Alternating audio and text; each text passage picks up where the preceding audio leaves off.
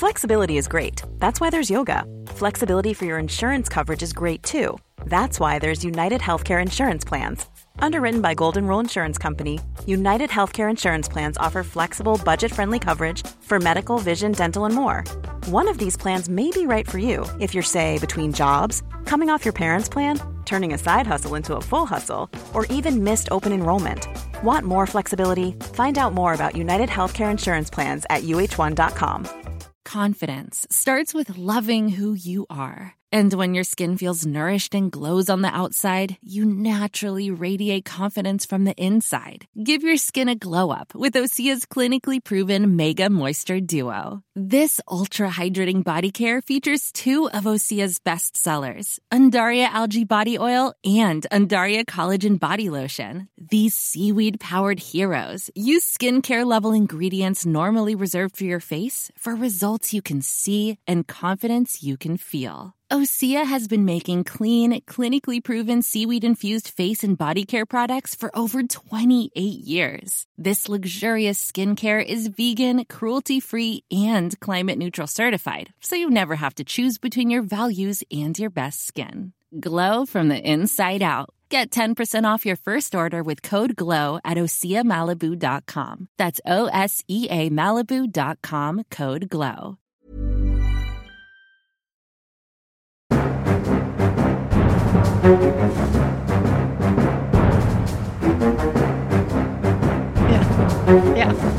Da kjører vi på med en ny episode Aftenpodden USA. Kristina Pletten er på plass i Oslo som vanlig, og det er sent, sent på kvelden. Men vi har funnet at vi må spille inn episoden i dag, for nå kan du risikere å være ute av innspillingsform i mange dager.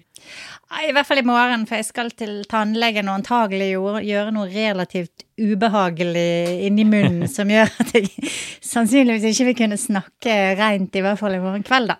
Så derfor så Nei. sitter vi her nå seint på kvelden eh, på mandag. Nei, rotfylling, eh, rotjustering er eh, Rotjustering. podkastskade. Det fungerer ikke å spille inn podkast da. Da får du skrive. Skrive er bra, da. Ja, ja. Jeg er Øystein Langberg, USA-korrespondent. Jeg er tilbake på Manhattan. Jeg var jo i Washington DC forrige uke med statsråder og kronprins og det hele. Og nå er jeg, begynner jeg egentlig å bli klar for å reise hjem til Norge. Jeg skal reise senere i uka på en liten juleferie, og det blir jo hyggelig å se folk. Det blir hyggelig å se, Kanskje jeg kan til og med se deg? Kanskje vi kan gå en tur i parken? Jeg vet ikke hva som er lov nå, men det, altså, det føles jo bare liksom kjipere og kjipere og mer og mer ubehagelig, det som skjer i Norge nå. Det virker ikke som man er veldig velkommen, tror jeg, når man kommer på Gardermoen, f.eks.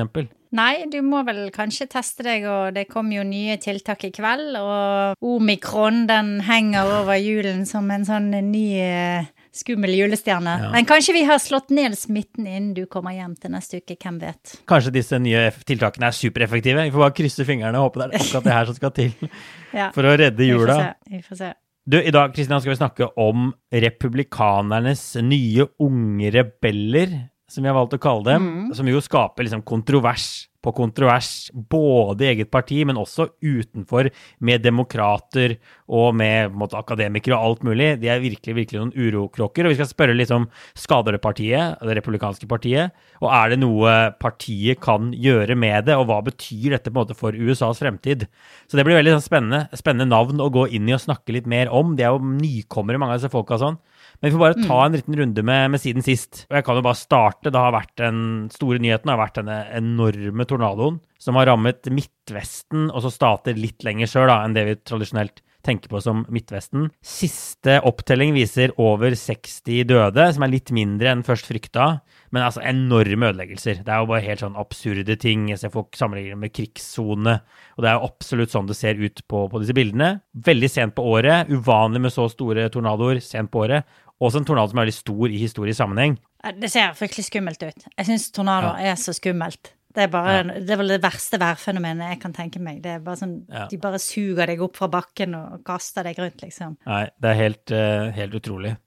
Og så har de jo snakket, de har snakket mye om abortloven i, i Texas, og at den bruker noen sånne veldig finurlige krumspring på å forby abort fra uke seks i Texas, som gjør at Høyesterett ikke har greid å slå ned loven ennå. Eller kanskje ikke vil slå ned loven.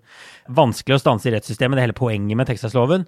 Og nå ser vi at andre stater prøver å bruke den samme metodikken, ikke på abort, men for å få til ting de vil gjennomføre. Så nå gjør altså California har signalisert at de vil gjøre det samme med våpenlovene. Stramme inn våpenlovene, forby angrepsvåpen. Ved denne, denne, merkelige teknikken hvor vanlige folk skal saksøke hverandre, da, og hvor, hvor, folk som egentlig vanligvis håndhever lovene, ikke får lov til å blande seg inn. Og så får vi se hva Høyesterett sier når den loven kommer dit. Eh, mange mener at dette vil vise hvor Høyesterett egentlig står, da, hvis de f.eks. slår ned denne California-loven og ikke med Texas-loven. Man må jo si at det er litt deilig ironi i det grepet fra California, altså. Ja. Det er det faktisk. Så har Biden utstedt en av sine presidentordrer den siste uken, og det handler om at offentlige bygninger og kjøretøy skal bli grønnere. Og det høres jo kanskje litt sånn pinglete ut i utgangspunktet, men det er snakk om helt enorme eh, mengder og summer. Altså det er 300 000 byggverk, og det er 600 mm. 000 biler og lastebiler, og 650 milliarder dollar i innkjøpsbudsjett. Så dette her er snakk om virkelig ting som kan få betydning. Og eh, Biden har eh, bestemt at uh, alle nye kjøretøy skal være utslippsnøytrale innen 2035. Mm. Bygningene skal være det innen 2045, og hele statens aktivitet skal altså være utslippsnøytral innen 2050. Så det er en ganske ambisiøs presidentordre som kom fra Det hvite hus denne uken. Ja, det som er spennende med dette, er at Biden kan gjøre dette på en måte på egen hånd, fordi det handler om mm. staten. Vi har sett det samme med vaksinasjon. Han får ikke nødvendigvis gjort så mye med private aktører han forsøker, men staten han kan pålegge føderalt ansatte, i hvert fall på langt på vei, å f.eks. ta vaksinen og sånn. Så dette ligner jo litt på det, da. At ja, man absolutt. starter med staten, så man kan få gjort noe med. Mm. Du, og så bare til slutt vil jeg ta med en bitte liten nyhet om New York City Football Club, eh, som jo vant sluttspillet i den amerikanske fotballigaen MLS i helgen. Og da snakker vi europeisk tradisjonell fotball, altså soccer. Og det som er gøy, er at eh, ekte fotball, og det som er gøy, er at dette laget har en norsk trener, og har hatt det de siste årene. Altså Ronny Deila, eh, som feiret altså da med å strippe på stadion. Akkurat som han gjorde da min hjemmeklubb Strømsgodset vant Tippeligaen i 2013, Oi. og han var trener i Strømsgodset. Så han følger opp strippe, strippeseansen, som selvfølgelig er superpopulært er blant fansen. Han beholder underbuksa på, altså, ja. men det er veldig, veldig gøy.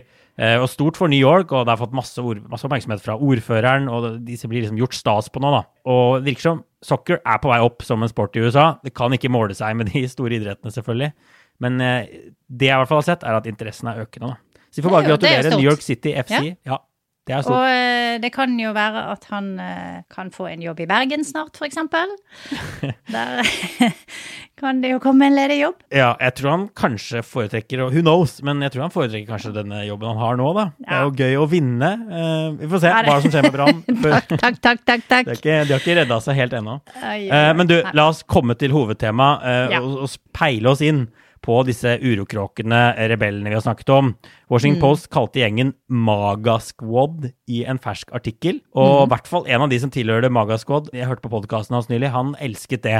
Men la oss bare begynne med å definere hvem disse uh, republikanske rebellene er, da. Altså, vi kan dra opp noen navn. Uh, mm. Lauren Bobert fra Colorado mm. er en dame, nylig valgt inn i eh, Representantenes hus. En annen er Marjorie Taylor Green, som kanskje enda flere kjenner til, fra Georgia. Og så har du Matt Gates, det var den poden jeg hørte på. Han som var veldig fornøyd med å bli kalt The Maga Squad. Han er fra Florida. Og så har du også mm. en som heter Madison Cawthorn, og en som heter Paul Gosar. Eh, ja. Og det er selvfølgelig ut og inn, og det er ikke sånn, det er ikke en, de tilhører ingen sånn De har ikke medlemskort, så vidt jeg vet, i noen klubb men de på en måte har noen likhetstrekk, disse folka, da, kan vi si. Og det som er utrolig, er jo at uh, både Bobert og Green har jo bare sittet i Representantenes hus i under et år. De kom inn i januar, altså tre dager ja. før stormingen av Kongressen. Det skal vi komme litt tilbake til. Men uh, de har altså gjort seg utrolig bemerket på veldig, veldig kort tid. Og ja. ifra posisjoner som ganske enkle sånn obskure representanter, som vanligvis liksom kommer inn i Representantenes hus, de velges inn for to år av gangen, sant.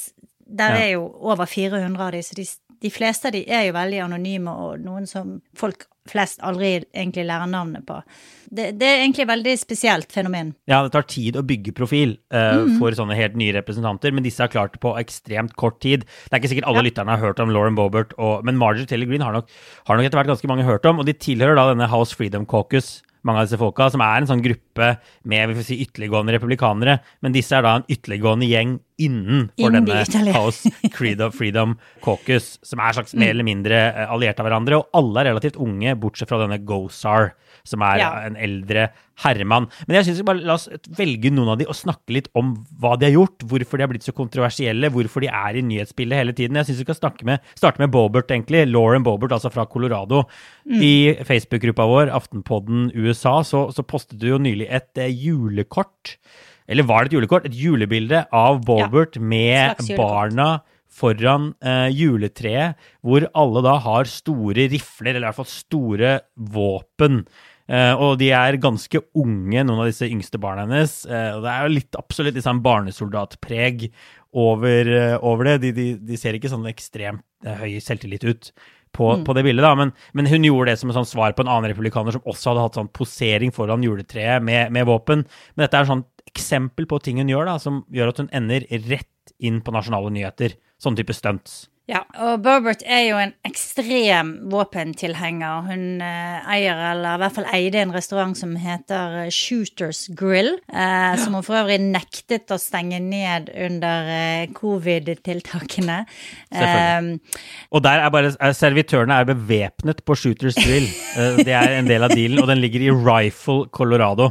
Så der, eh, der stikker man ikke av fra regningen, altså det Men eh, eh, Så det har jo vært en, en hjertesak, kan man vel si, for Burbert, altså har med våpen å gjøre, og hun kommer fra en stat og et distrikt der det er helt sikkert superpopulært at hun stiller opp på et sånt julekort. Men Burbert er jo også en provokatør, og hun er ikke redd for å, å virkelig smelle til og bruke virkemidler som selv, tror jeg, de fleste av disse her eh, ganske ekstreme republikanerne eh, vegrer seg litt mot, da. Hun, hun går på en måte mye lenger enn de aller fleste, bortsett fra kanskje Green. Og du nevnte dette julekortet. En annen stor sak om henne de siste ukene har jo vært denne konflikten med Ilhan Omar, eh, muslimsk representant fra Minnesota. Eh, det ble lekket en video der Bobert forteller at hun eh, havnet i heisen sammen med Ilhan Omar i Kongressen. Eh, og så sier hun noe sånt som eh, at hun tenkte ja, ja, hun har ikke ryggsekk på seg, så vi bør vel være trygge. Eh, og, og at hun også sa ah, the jihad squad decided to show up to work today. Så eh, referanser til eh, at Omar kan være en terrorist, sagt med litt sånn humoristisk Et slags humoristisk vri, da, eller sarkastisk, Ja, eller hva man skal kalle det. Og hun har også sagt flere andre lignende ting som både Omar og eh, Det demokratiske partiet, og for så vidt mange andre også, har reagert veldig sterkt på. Så eh, ble det arrangert en telefonsamtale mellom disse to, der eh, Bobert skulle si unnskyld, men det endte jo da selvfølgelig opp med at det ble bare mer konflikt ut av det, og eh, nå har vel hun også fått en eller annen form for avstraffelse fra Representantenes hus. Så det har vært mye, mye styr rundt denne saken og rundt Bobert eh, de siste ukene. Det virker som det aldri er en uke uten at hun er liksom i nyhetsbildet, da. Og så har hun kommet i, i klammeri også på Twitter med forskjellige folk, bl.a. noen av sine egne partikolleger som, som refser henne, og hun tar igjen og får støtte og så videre. Så det er liksom Ja. en sånn pågående eh, greie der hun bare holder oppmerksomheten gjennom å lage mye sånn bråk. Eh, og den store læremesteren for det er jo Donald Trump. Og hvis Vi får komme litt mer tilbake til liksom, hva de står for politisk, og liksom, hva som binder dem sammen. Men vi må også bare snakke litt om Marjorie Taylor eh, Greene, som nok er enda et hakk mer ekstrem, i hvert fall sånn uttalt ekstrem, enn en Bobert, tenker jeg da. Altså, Marjorie Taylor Greene har i mange år trodd på konspirasjonsteorier, kanskje mye mer åpent enn Bobert. Og det er spørsmål rundt hva Bobert mener om QAnon, og hun har flørta litt med de tingene. Men Marjorie Tellegreen Greene har jo på en måte eh, omfavnet disse tingene. Hun hevder at skoleskytinger er iscenesatt, disse klassiske konspirasjonsteoretikerne, promotert QAnon, og videretwitrer sånne ting. Da. Det er ikke alltid hun liksom promoterer det direkte, men hun, hun sprer, sprer sånne videoer og den type ting. Eh, Hun er valgt inn fra Georgia, også fersk i år. Altså kom inn i rett før eh, stormingen av Kongressen. veldig godt trent dame. Hun eide en sånn crossfit-studier og sånn nede i Georgia der sammen med noen folk for noen år siden. Eh, men hun er jo sånn som, som, går langt, ikke sant. 6. januar, hun er med på å skrive om historien om 6. januar, veldig tydelig ja. der, ikke sant. Det er ikke eh, masse Trump-folk som stormer Kongressen. Hun, kanskje det er Antifa, kanskje det er FBI som står bak, den type ting. Eh, under disse 6. januar-angrepene så nekta han å bruke munnbind, selv om han var inne i et sånt trangt rom med masse andre eh, selvfølgelig kongressmedlemmer og sånn. Så da står du jo ekstremt hardt på kravene. eh, og på, på, det du mener, når du ikke mm. tar på deg munnbind da gang. Fått masse bøter fordi hun ikke vil gå med munnbind i Kongressen når det mm. er, uh, er, pålagt. Og hun har blitt fratatt komitéplassen sin. Og det skjedde nesten med en gang hun kom inn i Kongressen, pga. ting hun har sagt tidligere, trusler hun har kommet med sånn. Så hun sitter ikke i noen av komiteene, som er et veldig sånn drastisk skritt å gå til, da, men det gjorde demokratene. De, de tok fra henne det. Hun har også spredd videre informasjon om at Hillary Clinton skal ha drept barn. Hun har eh, likt eh, meldinger om at den beste måten å fjerne Nancy Pelosi var å putte en kule i skallen på henne. Eh, så hun mm. er virkelig ganske far out, og var vel en av de etter, i de der ukene etter stormingen av Kongressen som en del andre medlemmer følte var en ubehagelig tilstedeværelse da, fordi mm. blant annet uh, hun hadde relativt uh, tette bånd til disse menneskene som, som angrep Kongressen, og, og, har jo også i ettertid uttrykt ganske, som du sier, uh, sterk sympati for, for de som har blitt tiltalt og dømt i disse sakene. Mm. Ikke sant. Og så har vi, vi får da nevne Paul Gosar òg, han har også vært i nyhetsbildet i denne høsten. Han er fra Arizona, og interessant fyr. Han er eh, eldre, vesentlig eldre enn disse andre men har også gått langt. Det var denne videoen, anime-videoen, som viser Gozar eh, sitt hode, da, som er satt inn på en person som dreper AOC, ikke sant, en tegnefilm. Han sier det helt uskyldig. Det ble ikke oppfattet sånn. Han angriper vel også Biden i den videoen. Og det endte jo med at også Gozar ble fratatt komitéposten sin av demokratene, for de slo veldig hardt ned på det. De så jo på det som en slags drapstrussel. Dette er jo folk som mottar AOC. altså Alexandra Ocasio-Cortez får jo mye drapstrusler og sånn. Mm. Og det er morsomt, altså Gozar også, han har masse søsken. De har vært på CNN og tatt avstand fra, fra broren. Han har seks søsken eller noe sånt, og kaller ham liksom en forræder mot landet, en forræder mot familien. Sånn. Så her er det mye vonde, rare prosesser som foregår rundt omkring. Mm. Og så har vi jo da Matt Gates, som har vært litt lenger i Kongressen enn de andre. Eh, han er 39 mm. år, fra Florida, og kanskje Trumps aller største fan i, i Representantenes hus. Har forsvart Trump innbitt på innpust og utpust og gjennom tykt og tynt. Han stilte en gang opp i gassmaske inne i Representantenes hus når han måtte stemme over denne hjelpepakken for korona. Og eh, under eh, riksrettshøringene i 2019 så tok han med seg en gruppe med republikanere og forsøkte å storme inn i et av rommene der de holdt høringer om riksretten. Og så skal det også nevnes at alle disse her har jo opptrådt sammen med Trump. De har blitt invitert til Mar-a-Lago, de har stilt mm. opp eh, sammen med Trump i forskjellige anledninger. Så de er liksom litt sånne eh, hans eh, favorittsquad, han mini-Trumper, da. Som liksom Trump driver også og dytter foran seg. Eh, og det eh, gjør jo at de får en slags sånn ekstra glød, eller hva man skal si, en ekstra uh, nivå av oppmerksomhet. Ja. Som uh, jeg tror gjør at de blir mer betydningsfulle enn bare noen sånne veldig eksentriske, veldig ekstreme politikere. De er jo spydspisser i en uh, bevegelse her som kan komme til å bety ganske så mye i de nærmeste årene fremover. Så dette er folk som, som vi må følge ganske godt med på. Ja, og så synes jeg Vi skal snakke litt om altså, hva de står for, hva binder dem sammen. Altså, Er de bare mm. rebeller, eller har de en politisk plattform? Vi har jo vært innom dette allerede. Jeg tenker jo eh, videreføring av Trump, trumpismen, er en ting som kjennetegner alle disse store fans av Donald Trump, har lært av Donald Trump, som de sier. Mm. Men også preges de av en sånn total kompromissløshet. Uh, som er veldig interessant. Altså, Omskrivinga av, av 6. januar og sånn, de, de, mener at disse folka som angrep Kongressen, er nærmest politiske fanger som ville liksom velte et tyranni og sånn. De kjøper selvfølgelig hele den store løgnen om at Trump vant valget. Det er på en måte standard for denne gjengen, det er det ingen tvil om. De kritiserer folk i sitt eget parti Men jeg så for på dette mener kompromissløshet, da, infrastrukturpakka f.eks., som jo Biden fikk vedtatt med en god del republikanere, som skulle være tverrpolitisk. Der kommer den kompromissløsheten til, til veldig til syne. De kaller de som stemte for infrastruktur, for eh, svikere. Det hjelper ikke at de stemte for noe som kanskje USA trenger de hjalp Biden, og det er utilgivelig. ikke sant? Nå skal, disse, nå skal de prøve å kvitte seg med disse, fem, altså, disse som, som, stemte for. Så det er et godt eksempel. Disse folka ville aldri stemt for infrastruktur, selv om de på papiret er for det, så lenge det kan gi Biden en seier. Og de mener de som gjør det, de er ikke ekte republikanere. Ja.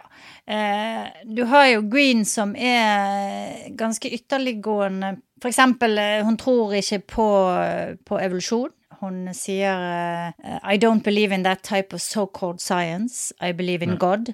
Uh, så de har denne her eh, koblingen mellom religiøsitet, våpen, uh, litt sånn antielitisme står ganske sterkt hos alle sammen.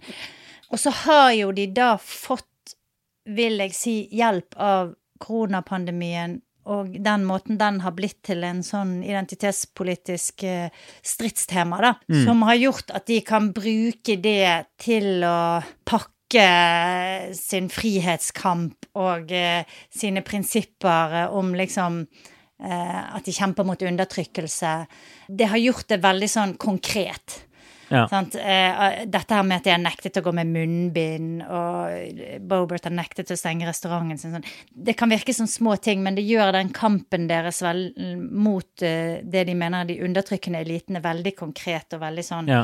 tydelig for deres tilhengere, da. Fordi å kalle de libertarianere, f.eks., det føler jeg ikke ikke er riktig. Uh, sånn intellektuell libertarianer. De er mye mer, mye mer sånn tydelige populister. Jeg hør, hørte på poden mm. til Gates, der snakker han masse om hvordan tidligere kongressmedlemmer blir, blir, lobbyister og går til det de kaller K Street i Washington. Veldig kritisk til det der. Mye sånn folk og elite, og vi er på folkets side sånn. Ja. Den klassiske, klassiske, klassiske populistiske retorikken. Gates bruker masse tid i poden sin på å kritisere lederskapet i sitt eget parti.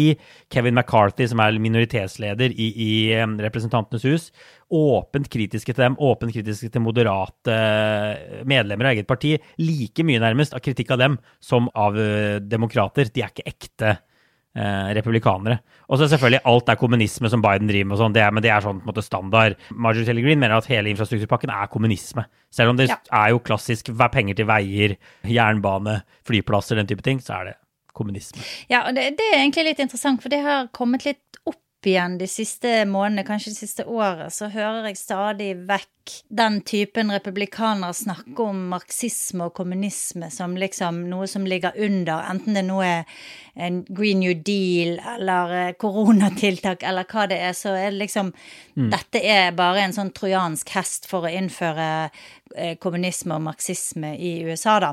Så ja. det, har, det, har, seilt litt opp igjen som, som, en slags sånn tematisk overbygning for det de snakker om. Det Ja.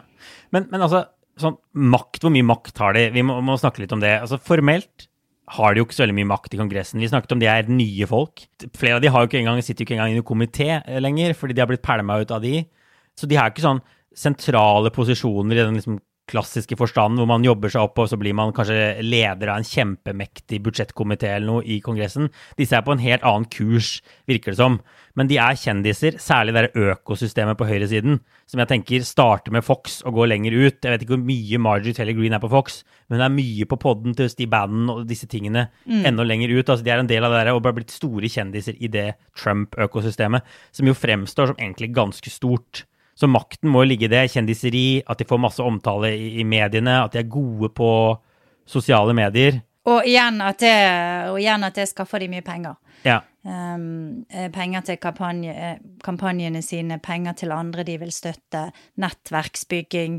Så jeg tror at uh, den makten som de kan få gjennom oppmerksomhet, gjennom sosiale medier, gjennom koblingen til Trump, mm. den er kjempeviktig. Og for veldig mange uh, medlemmer av Representantenes hus, som jo da representerer hvert sitt distrikt, så er det vanskelig å få nasjonal oppmerksomhet og nasjonale penger. Eh, men med Tea Party-bevegelsen så begynte faktisk republikanerne å revolusjonere hele den måten å drive valgkamp på. Mm. Og nå tar disse her det ett steg videre med dette her eh, Trump-økosystemet, da. Og der har Green og Bobert eh, og Gates, særlig de tre, kanskje en enorm fordel, og det vil være veldig vanskelig, tror jeg, å få de ut igjen eh, å utfordre de, i hvert fall fra, fra andre rep for republikanere, fordi at de vil ha så sterk støtte og så mye penger fra, ja. fra hele Trump-universet. Ja. Og, og, og, de ble kalt Squad, Maga Squad, i Washington Post. Og det er jo en tydelig henvisning mm. til det som kalles The Squad på venstresiden, som jo blant annet ja. eh, innbefatter AOC, Alexandra Ocasio-Cortez altså, og, Omar og flere andre som vi har nevnt tidligere. Og jeg må jo bare si da, liksom, Dronningen av sosiale medier er jo AOC. Jeg tror hun har sånn 12 millioner følgere på Twitter eller noe sånt. Det er ikke Bobert eller Taylor Green i nærheten av foreløpig. Gates jeg sjekka hadde 1,1 millioner eller noe sånt. Det er ingen tvil om at de har en stor profil til å være helt ny, ganske nye i, i, Kongressen, men det er fortsatt eh, andre som, som, er blitt bedre på det her, da. Men, men altså er det fair eh, Washington Post sier ikke at det er det samme, at de utgjør en squad på lik linje med de andre. Eh, men, men er det, altså, hvor mye har måte, disse folka til felles, tenker du? Jeg tenker at de har det til felles at de er en ny type politikere i form av virkemidlene de bruker og også kanskje noe av den kompromissløsheten som du ser fra Green og Bobert, ser du også fra AOC, eh, fra Ilhan Omar og mm. fra en del andre på venstresiden. Viljen til å gå imot sitt eget parti, sine egne eh, partioverhoder, og utfordre ortodoksie i, i, sitt eget parti. Ja. Der har du en, en, helt tydelig parallell. Men så er det jo kanskje dette her med å forstå hvordan du bygger opp deg sjøl som et brand, ja. som et varemerke. Marjorie Taylor Green har jo begynt å bli kalt for MTG. Ja, det er sant. Eh, som en sånn direkte parallell til AOC. Eh, så det er helt klart at det som kanskje er det mest interessante med både The Squad og The Mega Squad, hvis vi kan kalle de det, da, mm. er jo eh, at det, det, også representerer en slags politisk nyskaping som, som eh, Der eh, et slags reality-TV, sosiale medier, polarisering, alt dette smelter sammen og blir mm. til noe nytt. Og det ville jo ikke overraske meg veldig om vi etter hvert begynner å se eh, i hvert fall noen bleike kopier av det også her i Norge, da. For vi ser jo det at politikerne, kanskje spesielt eh, på ytterkantene, blir inspirert av, eh, av de virkemidlene som disse amerikanerne bruker. Ja.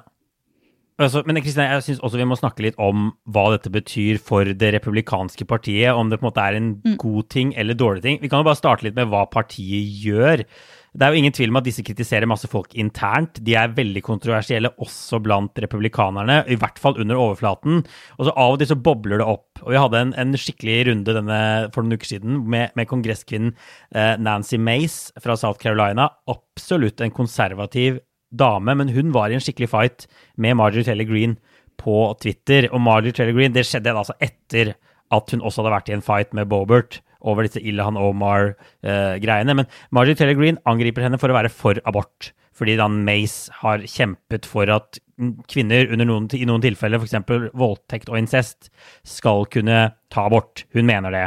Og det mener Marjorie Taylor Green er feil. Man burde aldri få lov til å ta abort uansett. Og så har Mace selv eh, blitt voldtatt en gang. Det er en del av historien her. Men i hvert fall da, så, så ender det opp med at Marjorie Taylor Green kaller Mace, som altså er fra hennes eget parti, for søppelet i republikanernes kongressgruppe. Altså trash, kaller hun henne på Twitter. Og Mace slår tilbake med en sånn emotikon-kombo av en flaggermus, en bæsj og en klovn, som altså da skal bety eh, batshit crazy clown er det hun svarer. ikke sant? Det her er jo helt sykt at folk i sitt eget parti Tenk, tenk om det hadde skjedd noe sånt her på Stortinget. Det er bare helt, helt utenkelig innad i Arbeiderpartiet, f.eks. Ja, det er jo fordi dette partiet rommer mye mer enn Arbeiderpartiet, men likevel. Helt sjukt. Ja, altså det er jo Det hører jo hjemme, liksom Kanskje ikke i barnehagen, men på barneskolen da, eller noe ja. sånt. Det er utrolig barnslig. Men, men Nancy Mace er jo også en sånn som bruker dette her for å skape seg en profil. Hun Mm. har veldig aktivt eh, forsøkt å bygge en rolle som en sånn litt mer moderat republikaner, en anti-Trump-republikaner, eh, og har til dels klart det, har stilt opp mye på CNN blant annet, jeg tror hun også har vært en del på MSNBC. Og kanskje tar i bruk noen av de samme virkemidlene da, som eh, Bobert og, og eh, Taylor Green gjør for, Mm. å, for å liksom stikke seg ut fra mengden. Og det, dette med å skape personkonflikter var jo også noe som Trump brukte veldig. Han hadde alltid noe gående, en eller annen konflikt med Ja. et eller annet menneske. Det var alltid en sånn historie, på en måte, et slags plott. Knyttet til han, ja. Ja. Men det demokratene sier da, er at republikanerne, og særlig ledelsen i republikanske partiet, ikke tar denne Maga Squad-gjengen hardt nok når de gjør det de mener er liksom uakseptable ting, ikke sant? For eksempel altså Kevin McCarthy, at han ikke gjør det han burde. Han burde slå ned på disse folket, true de med å bli kasta ut av partiet, kanskje jobbe med å finne folk som kan slå de i et primærvalg og, og få de vekk fra, fra Kongressen. Det er det demokratene vil si, og en del moderate folk, da, annet helt sikkert Mace, vil si i det republikanske partiet. Men det, altså, det sliter de veldig med å gjøre, og det er ganske få som kritiserer denne magasquaden offentlig. Og de gangene de har hatt sånn skal vedta sånn formell kritikk av dem i Kongressen, så har de fått med seg veldig veldig få republikanere på det. Jeg tror Da de kritiserte han Gozar nå nylig og tok fram disse komitépostene, så var det to republikanere i hele dette svære Representantenes hus som stemte for å kritisere han. Så, så det er tydelig at eh, selv om man kanskje da mener at de skader partiet, så er det veldig vanskelig å gjøre noe med. Og det er jo fordi sant, de har Trump sin sterke støtte. Trump støtter disse. Han skrev altså, altså Gozar har min fulle støtte, skrev han under denne prosessen. Og da er det vanskelig å gjøre noe med det. Ingen vil legge seg ut med Trump, selv om du kanskje tør å ta en fight med Margie Taylor Green. Nei, altså, og det er jo noe med at de som sitter som ledere i Representantenes hus eh, i dag, inkludert Kevin McCarthy, er jo folk som tidligere har tilhørt en slags tidligere inkarnasjon av Magasquada. Altså, de har selv kommet inn som outsidere og eks ekstremister og gjort opprør mot de mer moderate, mer tradisjonelle republikanerne. Så dette har på en måte gått i flere bølger, der den ene har presset ut den andre, og eh, eh, det er nesten merkelig for meg å se disse her som kom inn i Tea Party-bølgen for ja, seks, åtte, ti år siden, nå blir omtalt som moderate, liksom mainstream republikanere. For det, de var jo i sin tid også veldig ekstreme rebeller på sin måte. Eh, der er noe som heter the Overton window, eh, som betyr liksom at man har et slags sånn vindu for hva som er akseptabel oppførsel, og hva som er innafor, da, Ja. i, i debatten, og at man flytter det vinduet med å, å drive med eh, sånn type ekstremistisk eh, retorikk og virkemidler. Og jeg tror kanskje at det er det som skjer eh, med det eh, spesielt Taylor Green og Bobert holder på med. Oppfatningen av hva som er normalt, hva som er innafor, hva som går an å si og gjøre. Blir utfordret litt og litt og litt og litt. Mm. Og det, dette har, har jo selvfølgelig også Trump vært med på å bidra til, da. Og, og det store spørsmålet er jo om USA klarer å hente dette her inn igjen, eller om det bare sklir mer og mer ut, og hvor skal det ende?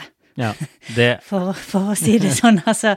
Jeg, jeg, ja, jeg skjønner ikke helt det, men det begynner jo å bli en alvorlig trussel mot hele systemet, fordi at det som Trump liksom hadde i en person, har nå ynglet og manifestert seg i flere av disse her eh, kongressmedlemmene da som Og vi ser at de som er åpent anti-Trump, og sånn tradisjonelle republikanere kanskje på et eller annet sett og vis, de slutter eller blir litt sånn presset ut.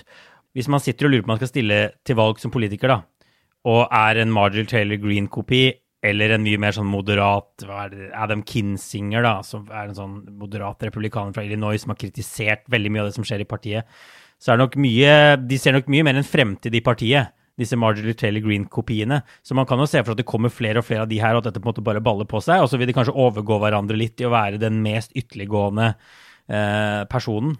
Det er i hvert fall den veien det ser ut som vinden blåser nå, da. Men, altså, men tenker du at det er et problem for republikanske partiet, det som skjer nå, også sånn for å vinne politisk? Det burde være et problem, Jeg får si det sånn. Eh, men eh, så er det jo det at disse folkene er underholdende. De er kjendiser. De passer perfekt inn i det der eh, medieuniverset på høyresiden. Mm. Fox News trekker mer og mer i deres retning, ikke sant, og du har disse andre kanalene og alle nettstedene og sånn. Så jeg tror ikke at det er et problem, i hvert fall i, på kort sikt, men det, det må jo være det på lang sikt, da. Mm. Eh, Ja. Men på kort sikt kan det nok kanskje være en fordel, f.eks. frem mot 2024, fordi at du, eh, du har disse fotsoldatene for Trump, som på en måte går foran og, og pisker opp stemningen og skaper også et inntrykk av at det er en, en større bevegelse, og flytter på en måte grensene eh, for han. Ja. Så det kan godt hende at, det, at selv om det virker eh, veldig outrert, så er det en fordel for Trump og republikanerne hvis det er den veien de vil gå. I hvert fall i, i neste syklus. Men altså, dette er jeg veldig usikker på. Jeg, Ja. det- jeg syns det er veldig vanskelig å spå om det. Green sier selv at hun ikke tilhører ytterkanten i partiet. Hun er the base of the party, har hun uttalt nydelig. Eh, og det må jeg si da, Hun er jo fra et veldig republikansk distrikt, så hvis hun skal dankes ut, så må det antageligvis skje i et republikansk primærvalg. Og vi må også si at én ting disse folka får til, er jo da å samle inn ekstremt mye penger ved å være så synlige Ja. som de er. Så hun har en, en, en krigskasse som er bare enorm. For at hvis man skal gjøre noe med den trenden, så må det nok være velgerne til syvende og sist som bytter ut disse folka. De er jo tross alt på valg hvert andre år, de som sitter i Representantenes hus. Så det er jo mulig å bytte de ut så fort, så fort som bare det. Men det, jeg, jeg vet ikke. Bobert er i et litt mer, eh, litt mer jevnt distrikt. Vi kan se hva som skjer med henne, men, men Green altså, Med mindre hun blir slått i primærvalg, så virker det egentlig, ganske bankers at hun får nye år. Og det er jo ingen tvil om at en god del folk liksom støtter i hvert fall deler av tankegodset hennes. da. Det er jo en god del velgere som mener Trump skal stille igjen, som i hvert fall ikke synes 6. januar og det han jo, som gjorde etter valget, var en deal-breaker.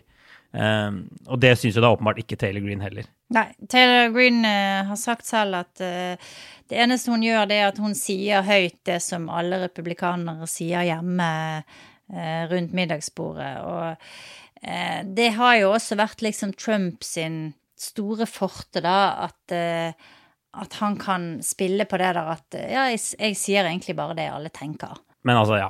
Vi skal ikke hevde at alle republikanere støtter Taylor Green. Og vi ser at noen av disse Neida. Det er litt eh, smått med meningsmålinger, men antageligvis så er jo ganske mange amerikanere imot det hun står for. Men i hennes distrikt så er dette nok til å bli valgt, og hun er til og med kanskje populær i sitt eget distrikt. Det får vi se på i mellomvalget neste år, akkurat hvordan det der uh, går.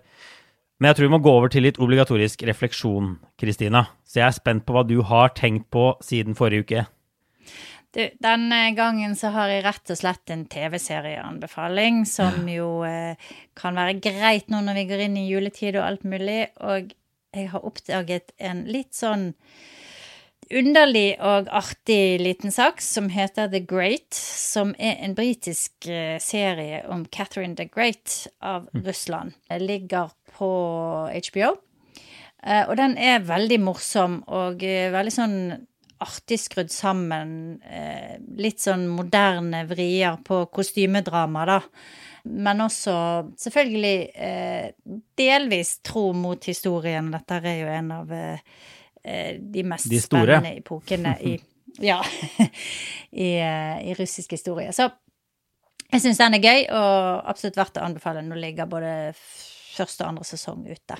Det virker som det blir godt med tid i Norge nå på å sitte hjemme og se på serier, så det er jo en god det anbefaling. blir det. Ja. Det er bare å finne frem joggebuksen. Ja, du, min Ja. obligatoriske refleksjon handler om Chris Wallace, som jo Mm. er, eller var, en kjent Fox News-journalist. Anker. Han hadde dette programmet som heter Fox News Sunday, som på slutten av sitt program i helgen overrasket alle ved å si nå slutter han, det var hans siste program. Og så går han faktisk over til CNN pluss, en ny sånn strømmetjeneste fra CNN. Eh, som er litt overraskende. Altså, det som er interessant med Wallace, er jo at han har vært på en måte et av alibiene til Fox for at de driver også med vanlig journalistikk. De legger ikke skjul på at de har folk som provoserer med meningene sine. De har masse meningssegmenter. Tucker Carlson er en av de mest kjente. Men de har også en vanlig nyhetssending, vanlig journalistikk. Og da er det liksom sånn vist til Wallace, ikke sant. Og han ledet jo debatten i 2016, en av debattene mellom eh, Clinton og Trump. Og 2020, den første 2020-debatten, kaosdebatten mellom Biden Kaosdebatten, mm. og, og Trump. Eh, Så han har liksom blitt respektert nok av begge sider at å også få den type den type jobber. Så, så han, var, han, kom ikke med noen kritikk av Fox da han gikk av. Var, han takket for liksom de årene og, og, at folk hadde fulgt han, og håpa han ble med over til, til, neste. Men det tolkes jo som en kritikk av kanalen. Det sies at han er kritisk til mye av det Tucker Carlsen gjør, særlig en ny dokumentar Tucker Carlsen har laget om 6. januar, hvor han prøver å tegne en litt sånn ny historie av hva som skjedde der. Eh, men det er ingen tvil om at eh, ja, det er en, en, stor, en stor medieovergang. Ja, og Wallace er jo en av de virkelig store. Vi har vel snakket om han flere ganger før her. Mm. Og en veldig, veldig flink intervjuer. Eh, som er veldig tøff, men har vært fair. Og han har jo hele tiden sagt at han har fått gjøre alt han ville på Fox News, og at han har fulgt tillit osv., osv. Men denne her overgangen viser vel kanskje at det er en bekymring fra han og sikkert flere andre på hvor Fox News er på vei. Mm. Og at dette her som skjer nå, egentlig det som vi har snakket om på poden i dag, ikke sant. Ja. Det som skjer nå med det republikanske partiet, med denne retorikken, med denne her, disse utfordringene til demokratiet. Hvor går dette henne? Og at det kanskje var lurt å hoppe av nå. Det var jo et spørsmål hvor Fox ville gå etter valget også. Og det ser jo ikke ut som de har valgt å gå innover mot sentrum igjen, i hvert fall. De har økt mening, altså mengden meningsinnhold, meningsprogrammer, og kuttet i, i, nyhetsprogrammene sine, og mister nå i hvert fall en av sine tyngste journalister. Det har vært skikkelig sånn ellevill uke på Fox eh, for øvrig den, den, siste uka. Det juletreet til Fox News ble jo påtent utenfor disse kontorene de har nede på Manhattan her av det som var en mentalt syk hjemløs, som også vel hadde blotta seg utenfor den Ghislaine Maxwell-rettssaken noen dager før. sånn. Og da har jo Fox News gått i full sånn 9-11-mode, og dette er liksom et angrep på Amerika. ikke sant? Et bevis på at byene i USA er ute av kontroll. og de har brukt så mye tid på denne juletrebrenningen, og nå har de jo fått reist et nytt juletre i sånn stort patriotisk vis. Men jeg tror vel eh, Tucker Carlsen antydet at dette var hatkriminalitet fra denne hjemløse fyren.